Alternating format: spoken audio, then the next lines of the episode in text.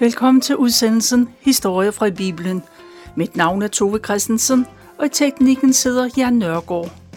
I dag fortæller jeg noget af det, der står i Daniels bog i det gamle testamente. Og denne udsendelse handler om drømme. Babylons soldater de kom til Jerusalem med kong Nebuchadnezzar i spidsen. De belejrede byen, og det lykkedes for dem at indtage Jerusalem.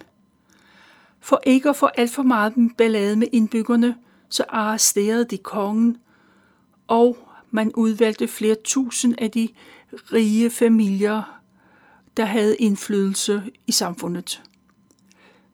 Der var, man valgte nogen af familiemedlemmer. Det var de unge, de smukke og de rige.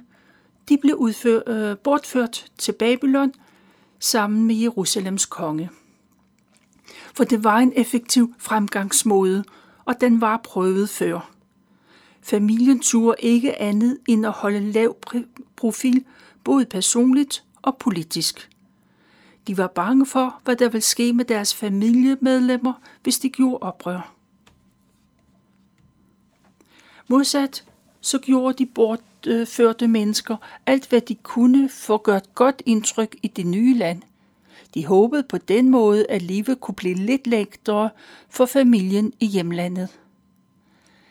Daniel var en af de flere tusind, som var tvunget til at forlade sin familie, sit hjemby og sit land. Fra Jerusalem til Babylon var der over 1000 kilometer i fugleflugtslinje. Daniel skrev senere om sine oplevelser i Babylon. Traditionen siger, at det var ham selv, der skrev sidst i livet. Men man er begyndt at tvivle på, om det nu også kan være rigtigt. Bogen er i to afdelinger. De første seks kapitler handler om Daniel og om tre af hans venner. Det er enkeltstående beretninger fra et langt liv i Babylon, og der var tre forskellige konger, der regerede på det tidspunkt. Daniel tydede Nebuchadnezzars drøm et par, par år efter, at han var kommet til Babylon. Og næsten 70 år senere, så kastede kong Darius ham for løverne. I kapitel 9-12 er den profetiske del, og den består af tre syner og et længere profetisk udsagn. Et udsagn, der peger hen mod verdens ende. Daniels bog understreger, at Gud grundlæggende er med i historiens gang. Gud brugte og bruger både mennesker og landet i sin plan. Store magter, de kommer og går, men Gud er der, er der altid, og han vil altid være den samme. I synerne så Daniel, Gud ville øh, besejre ondskaben igennem Messias, og han skulle frelse dem, der tror på ham. Daniel talte tydeligvis om Jesus og hans rige, da han tolkede Nebuchadnezzars drøm om den store sten, der knuste en statue. Det var et billede på, at det ikke var ligegyldigt, hvilket fundament man har i livet. Denne verdens riger skal forgå. Dem skal man ikke sætte, sit lid til. Men Guds rige vil altid bestå. Et andet syn så Daniel – at en, der lignede en menneskens søn, kom i himlens skyer.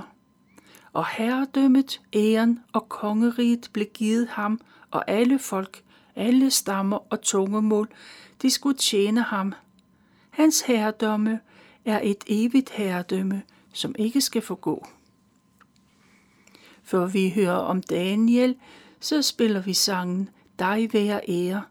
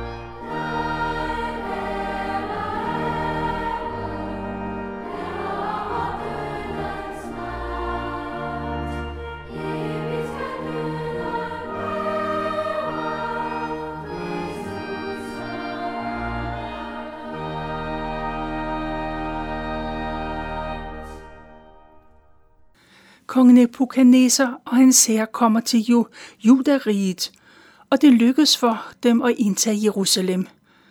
De plyndrer templet og tager stort set alle de kostbarheder, der er i landet, også de gamle kunstskatte fra kong Davids tid. Nebuchadnezzar øh, lægger kongen Joachim i bronzelænker for at tage ham med som fange til Babylon. Samtidig tager Nebuchadnezzar også en hel del unge mænd fra kongehuset og fra de fornemmeste familier i Jerusalem. Nu er de rige, smukke, unge mennesker krigsfanger. De har indtil nu levet en forkælet tilværelse, men den tid er bredt endt. I endeløse dage, uger og måneder går de over 1000 kilometer i et bjergrigt terræn. De er på vej mod en ukendt tilværelse i et fremmed land. Det er ikke kun krigsfanger fra Jerusalem, der går der, men også fra mange andre byer og mange andre lande. Kong Nebuchadnezzar tager selv med tilbage til Babylon. Han sikrer sig, at alle det, der er beslaglagt, og deres krigsfanger kommer godt frem. Og da han endelig når hjem til sit eget palads, så giver han ordre til, at de hellige guldkar fra Guds tempel i Jerusalem, det skal blive sat ind i det skatkammer, der hører til kongens augusttempel. Og hofmarschallen får til opgave at udpege nogle af de unge mænd, der kommer med fra udlandet. Kravet er, at de skal være velskabt og se godt ud, de skal være veluddannede og lærernemme, og så skal de egne sig til at gøre tjeneste i kongens palads. Dem, der kan opfylde de krav, de får en undervisning i tre år.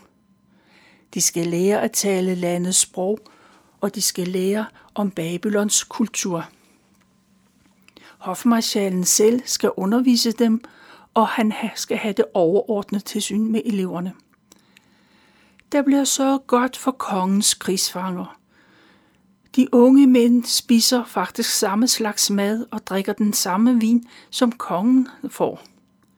Kong Nebuchadnezzar investerer mange ressourcer i de udlændinge, og han er sikker på, at han vil få fuld valuta for pengene.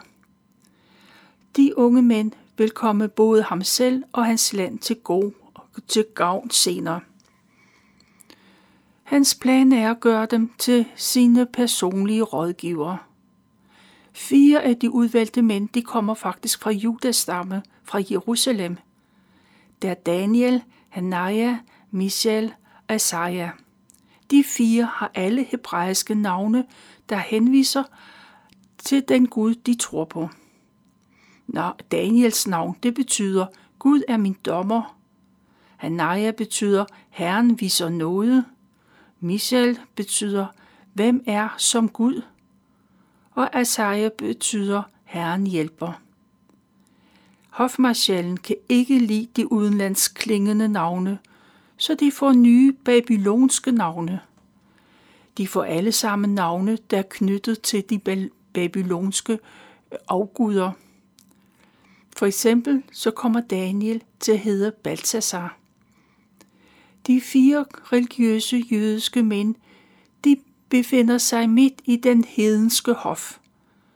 Der får de intensiv sprogundervisning, og de lærer om landet og om deres, dens kultur.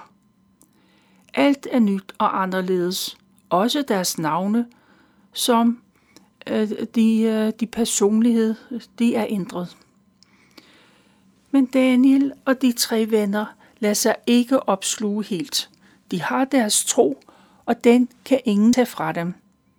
En del af deres tro er, hvordan maden øh, er og bliver serveret. De spiser af kongens mad, men den er jo ikke koser. Det vil sige, den er ikke tilberedt efter kravene i Moseloven, og dermed er den uren. Og det er jo heller ikke alle ting, de må spise. En anden faktor er, som de ikke kender, det er, at kødet er måske er fra offer, øh, det offerdyr, man har givet til landets afguder. Begge dele er galt. Daniel vil ikke spise noget, der ikke er i overensstemmelse med de regler, som Gud har bestemt. Derfor beslutter han at sige tak, øh, tak og nej til de udsøgte retter og den gode vin, som der bliver serveret. Fordi han har den holdning, er Gud med ham. Daniel, han går hen og spørger, om man ikke kan få noget andet at spise. Hofmarschallen er venlig, men bestemt over for Daniel. Han er ikke glad for den beslutning. Han siger, hvis han ikke spiser den kongelige mad, så er han bange for, at de bliver blege og tynde, især hvis man sammenligner dem med øh, de andre. Og i sidste ende, så går det ud over hofmarschallen, hvis det er ham, for han har jo ansvaret for de udenlandske mænd. Og hvis han ikke udfører sin opgave godt nok, så vil kongen hugge hovedet af ham. Daniel er klar over, at han ikke kommer længere med sin sag hos hofmarschallen. Og så går han længere op i systemet, op til den nærmeste overopsynsmand. Og Daniel overtaler ham til at prøve og i en periode. Daniel og hans fire venner skal i 10 dage kun spise grøntsager og drikke vand. Når de dage er gået, så kan opsynsmanden sammenligne Daniel med dem, der spiser kongens mad, og han kan træffe sin afgørelse. Det gør opsynsmanden med til, så han tænker, at 10 dage, det skal man nok kunne klare. Der kan vel ikke ske noget uopretteligt i den tid. Dagene går, og prøvetiden den er overstået. Og opsynsmanden, han må erkende, at Daniel og hans tre venner ser meget bedre ud og er meget sundere end dem, der har spist af kongens udsøgte mad og drukket hans vin. Fra den dag af spiser de fire israelitter grøntsager og drikker vand. Gud gør Daniel og hans venner usædvanligt lærernemme. De er snart godt kendt med datidens viden. Udover at Gud giver Daniel en særlig evne. Han får evnen til at kunne tyde drømme og syner. Efter tre år er deres uddannelse fuldført. Hofmarschallen fører alle de unge mænd frem for kong Nebuchadnezzar. Han stiller dem en masse spørgsmål, og alle svarer godt for sig. Men ingen kan måle sig med Daniel, Hanaya, Michel og Isaiah. Deres viden er i særklasse, og de overgår alle andre. Uden betænkningstid, så beslutter kongen, at de skal i hans tjeneste. Og Daniel, han blev ansat til at være kongelig rådgiver i Babylon. Efter Daniel er kommet i kongens tjeneste, så har Nebuchadnezzar nogle drømme, der gør ham så urolig og bange, at han ikke kan sove. De drømme må have skræmt kongen ualmindelig meget. Så meget, at han lige med det samme indkalder alle sine astrologer, præster og vismænd. De kloge mennesker skal med det samme komme til paladset og fortælle, hvad kongen har drømt. Vismændene, astrologerne og alle de andre, de ser på hinanden, for kongens krav er umuligt at opfylde. En af vismændene tager mod til sig. Han protesterer over urimeligheden i det ønske. Men hvis kongen vil fortælle om sin drøm, så skal de nok forklare, hvad den skal betyde. Men nej, kongen er bange for, at hvis han fortæller om drømmen, så kan man bilde ham hvad som helst ind. Ingen vil med sikkerhed kunne sige, hvad der er rigtigt eller forkert. Kongen bliver vred og beslutter, at hvis de ikke fortæller både ham om drømmen og dens betydning, så vil de alle blive skåret i små stykker, og deres huse vil blive jævnet med jorden. Men til gengæld, hvis de kan fortælle ham, hvad drømmen handler om og hvad den betyder, så vil han blive overøst med både gaver og store hædersbevisninger og kongen ser ingen grund til at vente ret længe på at få sit ønske opfyldt. Vismændene synes, at kongen er urimelig, aldrig har nogen konge forlangt sådan noget af en drømmetyder. Deres faglighed er sat på en prøve, og de frygter, at deres liv, både for dem selv og deres families overlevelse. De desperate drømmetyder og vismænd sige, at det kun er guderne, der kan vide, hvad kongen har drømt, og guderne bor ikke blandt dødelige mennesker. Den tale gør kongen så rasende, at han beslutter, at alle vismænd i Babylon, de skal henrettes. Den dødsdom bliver øh, bekendt gjort i hele landet. Dommeren gælder også for Daniel og hans tre venner, selvom de slet ikke har været med til det møde. Kongen sender nogle af sine mænd ud for at lede efter Daniel, men før de finder ham, så henvender Daniel sig selv til chefen for kongens livvagt, for det er ham, der har ansvaret for henrettelserne. Daniel overvejer meget nøje sine ord, før han taler til chefen. Han vælger først at spørge om, hvem der har ansvaret for henrettelserne, og hvorfor kongen har udstedt en så hård dom. Og chefen for livvagten fortæller, hvad der er sket, og om drømmen, som kongen ikke vil fortælle om. Daniel går direkte hen til paladset, og der får han lovning på, at tidsfristen vil blive forlænget, hvis han altså kan tyde drømmen. Daniel skynder sig hjem og fortæller sine tre venner det hele. Han spørger, om de vil være med til at bede himlens Gud om noget for dem alle. Det eneste, der kan redde dem nu, er, at Gud åbenbarer kongens drømme for dem. Hvis det sker, kan de selv og alle andre vismænd undgå at blive henrettet. Den nat viser Gud sig for Daniel. Han får at vide, hvad kongen har drømt, og Daniel priser Gud i himlen, fordi han har hørt den strøm. Den næste morgen går Daniel direkte til livvagtens chef. Han vil sikre sig, at man ikke begynder at henrette vismændene. Og så går Daniel til kongens, øh, eller han får ham over kongen, øh, kongens livvagt. Daniel kan komme til kongens livvagt, men ikke til kongen selv.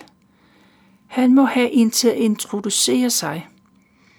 Derfor beder han chefen for livvagten om at føre sig ind til kongen, og så vil han kunne forklare, hvad drømmen det betyder. Livvagtens chefen ånder en chance for ikke at dræbe de mange uskyldige mennesker oven i købet af landets, og de er landets klogeste hoveder. Derfor skal han ikke overtales, men han rejser sig med det samme. Han går foran Daniel gennem palatsets lange gange. Og så står de foran kongen. Livvagtens chef fortæller, at Daniel var en af de krigsfanger, der kom med fra Jerusalem, og han kan tyde drømmen. Kongen kalder Daniel for Balthasar, for det er jo hans babyloniske navn.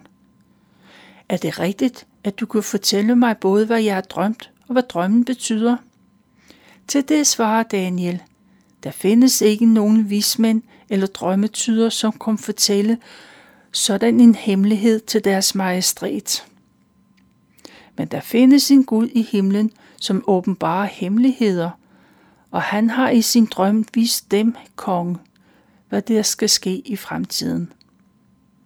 Deres majestæt lå og tænkte på fremtiden, og Gud talte til dem. Og Daniel fortsætter. Når Gud har åbenbaret drømmen for mig, er det ikke fordi jeg har større visdom end alle andre. Det er fordi deres majestæt skal forstå, hvad drømmen betyder. I deres drøm så så de en stor statue. Den var storslået og strålende, men den var også frygtindgydende. Hovedet, det var lavet af rent guld. Brystet og armene var af sølv. Maven, hofterne og det øverste af lårene, det var bronze. Benene var lavet af jern, og fødderne var lavet af en blanding af jern og ler. Konge, Mens de studerede statuen nærmere og fandt ud af, hvordan den var lavet, så rev den stor sten sig løs. Der var ingen naturlig forklaring på det, der skete, men pludselig ramte den fødderne, og statuen blev knust fuldstændig. Jern, ler, bronze, sølv og guld blev til støv, og det blæste væk af vinden. Det lignede ovner på en tærskeplads i en stormvær. De store sten, der knuste statuen, blev til et mægtigt bjerg, der dækkede hele jorden. Daniel sagde, at sådan var kongens drøm, og kongen, han nikkede, for det var rigtigt. Daniel, han kan fortsætte med at fortælle, hvad drømmen betyder. De Nikabuneser er konge over alle konger. Himlens Gud har givet den magt, styrke og ære. De konge er en verdenshersker uden lige og har magt over alle verdens dyr og fugle. De er statuens hoved, der er lavet af guld. En gang når dette rige er forbi, så kommer der et andet rige. Så kommer der et bronzerige, som vil strække sig langt ud over jord. Det vil blive afløst af et fjerde rige, som bliver stærkt som jern, der knuser og undertrykker alle andre. Statuens fødder og tæer er lavet af en blanding af jern og ler. Det betyder, at de riger, som vil være i alliance øh, med forskellige riger og konger. Nogle af disse lande vil være stærke som jern, andre vil være skrøbelige som ler. Blandingen af jern og ler, de symboliserer de enkelte landes forskelligheder. Flere forskellige konger vil forsøge at holde sammen på et fælles rige. Men det lykkedes ikke for dem, for jern og ler, det kan ikke blandes. Når den tid kommer, så vil Gud i himlen oprette et nyt rige. Et rige, som aldrig skal forgå og aldrig blive besejret. Den store sten, der rev sig løs og knuste både jern og ler, bronze, sølv og guld, den sten er symbolet på det nye rige, der besejrer alle andre og som til intet gør dem. Det nye rige vil bestå til evig tid. Kong Nebuchadnezzar lytter til det, der bliver sagt, og spontant falder han på knæ foran Daniel med ansigtet mod jorden. Kongen siger, din Gud har i sandhed bevist, at han er Gud over alle guder og konge over alle konger. Han er Gud, der åbenbarer hemmeligheder, uden du var i stand til at tyde den mystiske drøm. På stedet blev Daniel forfremmet. Han skulle være kongens øverste rådgiver, og han blev derfor overhovedet for alle kongens vismænd. Daniel blev også hersker over hele provinsen Babylon, og han får også mange kostbare gaver. Og kongen holder det, han lovede den vismand, der kunne tyde hans drøm. Lige pludselig er Daniel både rig og berømt, og han får så mange tillidserhverv, at man kan tænke, hvordan skal han dog klare det hele? Og det tænker Daniel til synlædende også, og derfor beder han kongen om hjælp. Hvis han kan indsætte de tre venner som guvernører i provinsen Babylon, så kan han koncentrere sig selv om at tjene ved kongens hof. Og sådan bliver det. Daniel arbejder samvittighedsfuldt og klogt, og med tiden opdager kongen omfanget af de fire venners visdom. Derfor kalder han på dem hver gang der er et problem, der kræver en særlig indsigt og dømmekraft. Han er sikker på, at de er ti gange klogere end hans rådgiver, astrologer og drømmetydere. Og Daniel, han bliver ved Nebuchadnezzars hof, så længe han er konge i Babylon. Det er, hvad jeg har valgt at fortælle fra 2. Krønikebog, kapitel 36, og fra Daniels bog, kapitel 1 og 2. Vi slutter udsendelsen med at spille sangen Herre Gud, det dyre navn og ære.